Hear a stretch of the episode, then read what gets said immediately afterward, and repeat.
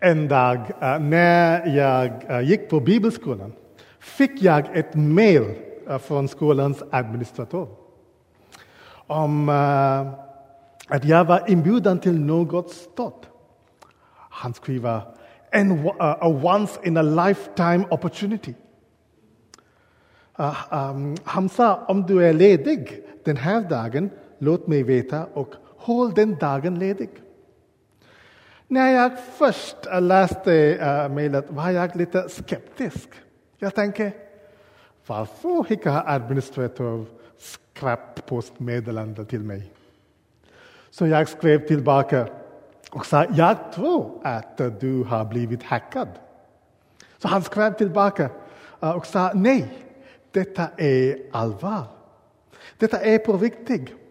Men han kan inte berätta alla information för mig. Jag var riktigt nyfiken. Så då tänkte jag, okej, okay, jag sa att jag kommer att hålla datum ledig. Så några veckor gick och sen kommer nyheter om vad som är min once in a lifetime opportunity. Kan du gissa vad det var? Ah, det var Tea with Prince Charles.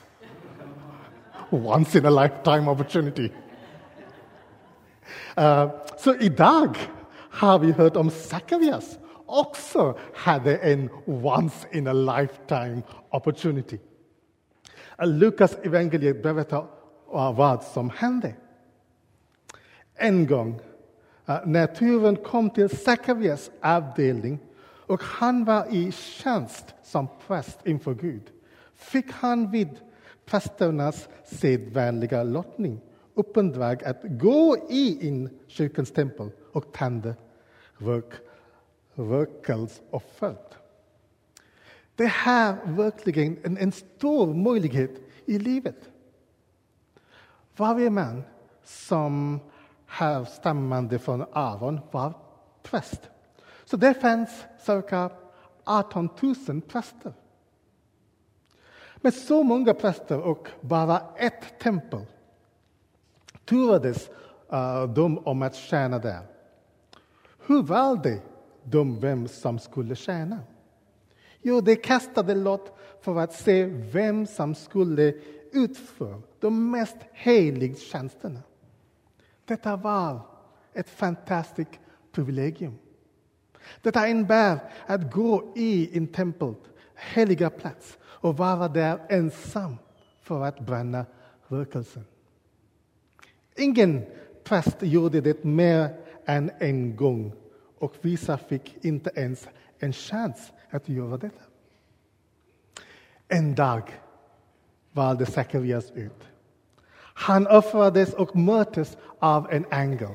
Ängeln sa, Sakarias, din bön har hörts. Men vilken bön? Är det bönen som han har bett att han vill ha ett barn? Kanske har han slutat den här bönen? För avsnittet säger att de båda är gamla. Men vi är säkra på att Sakris har bett att Gud skulle sända Messias. Gud skulle komma eh, och rädda oss. Gabriel säger att Gud har hört och kommer att svara. Även namnet Sakarias betyder, betyder att Gud kommer ihåg. Hans fru Elisabet kommer att föda en son som de kommer att kalla Johannes.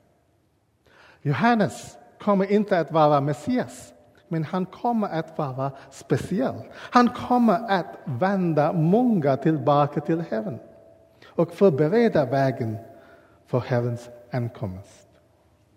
Vilken budskap! Sakarias och Elisabet hade väntat hela sin liv, äh, livtid på en son. Gud har inte bara talat till Sakarias utan till hela Israel nation. I 400 år var det tystnad. Det fanns ingenting från Gud. Och nu får Sakarias detta viktiga budskap. En meddelande om att han bara ska springa ut av glädje. Men för Sakarias var dessa nyheter inte nyheter av glädje. Det verkade för honom som att det inte var en, en stor möjlighet i livet. Varför? Var han lite besviken på Gud? Där levde han en gudomligt liv. Tjänade i templet. Gjorde allt som Gud hade bett honom att göra. Att hålla alla bud. Tjäna Gud troget. Men de var barnlösa. Under tusentalet sågs barn som en välsignelse, välsignelse från Gud. Men för detta par var de utan barn. Grannarna hade barn, andra prästernas fem, de hade barn. Men inte det här paret. Jag undrar vad som gick genom Sakarias tankar. Kanske var det så här. Gud, du har inte kontroll. Jag vet vad ditt ord säger, men hur kan du ha kontroll när jag befinner mig i den här situationen? Gud, du har glömt bort mig. Gud, du säger att du älskar mig, men jag tror inte det. Gud, du säger att du har en bra plan för mig, men just nu verkar det inte vara så. Kanske blev han besviken på Gud. Jag undrar om detta är sant för vissa av er idag. Är du besviken på Gud? Har du planerat något och det blev inte som du trodde det skulle bli?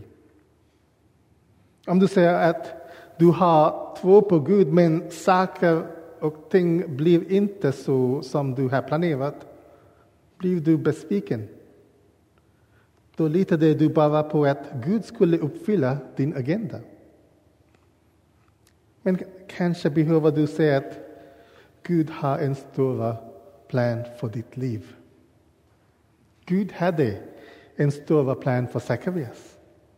Att detta barn inte bara skulle vara en annan vanlig person utan någon som generationer och generationer, generation, generations kommer att tala om. Någon som kommer att ge plats för Herren. Någon som skulle kalla Israel tillbaka till en Angor. Så vad ska du göra om du går genom en svår tid och det verkar som om Gud inte har besvarat dina böner? Först, fortsätt att lita på. Fortsätt att lita på. Tänk på berättelsen om Josef. Han hade en fantastisk dröm, drömmar. Men när han var i fängelse och väntade måste det ha varit en besvikelse. Men Gud använde honom. Och han kunde inte bara rädda Egypten utan också Israel. Så fortsätt att lita på det. Fortsätt be. Lämna din besvikelse hos Gud. Och när han svarar på dem blir det mycket bättre än du någonsin kunde föreställa dig. Efesienbrevet eh, säger han som kan göra långt mycket mer än allt vi ber om eller tänker oss genom den kraft som verkar i oss. Så fortsätta be, fortsätta uh, din tro. Och don't miss out in the once in a lifetime opportunities of God. För att uh, någonsin när vi är så besviken på Gud, vi är, vi är så, we look down, we don't, like Zacharias, we miss out that the angel Gabriel who sits by God has come to visit us, and, and we miss that amazing thing because we are so disappointed with God. So don't miss out on those once in a lifetime opportunities that God would give you in the most unexpected times that you have uh, in your lives. Because God has some amazing, great plans for your lives. And maybe we don't see it now. We don't see it at this, this moment. So, fortsätt att be. Don't miss out on God's once in a lifetime opportunities. Kom ihåg. Att striden har vunnit. Den sista besvikelsen, döden, har besegrats av Jesus. Hans löfte är att det kommer att finnas en dag utan tårar. Ingen besvikelse. There comes a day, no tears, no more crying, no more weeping, no more disappointments. There comes a day. Vi kan lita på det. Varför? Eftersom han har besegrat den största besvikelsen. Han har besegrat, besegrat graven och har visat oss att det finns liv bortom graven. Amen. Amen. Ska vi be? Kanske det finns någon av oss här idag som är besviken av Gud. Kan vi, uh, om det är du, um, du kan ge det Gud uh, din besvikelse. You can give God your disappointments. But the importance is not to look down, but as Psalm 1 121 says, lift up your eyes. Lift up your eyes to God. In your disappointments, in your happy times, in your sad times, in your great times, in your not so good times. Lift up your eyes to God. Ska vi be? Father, Gud, jag ber, kom heligande. Kom och fyll.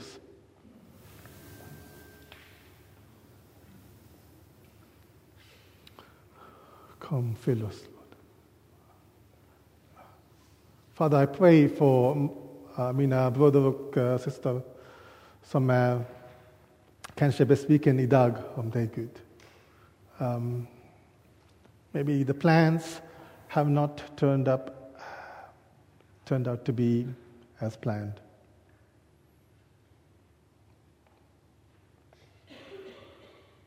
Lord, you know these disappointments.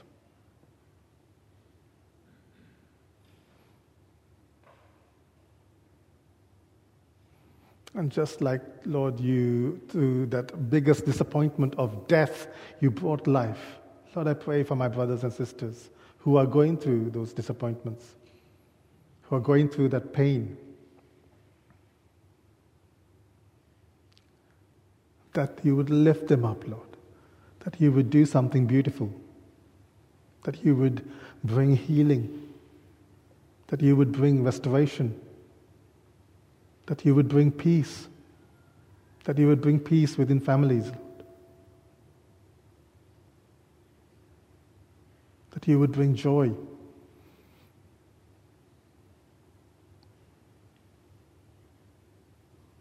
That depression would lift up. That the oppressed go free.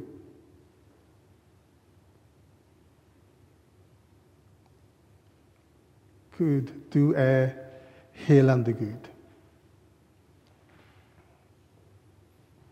Bring your healing.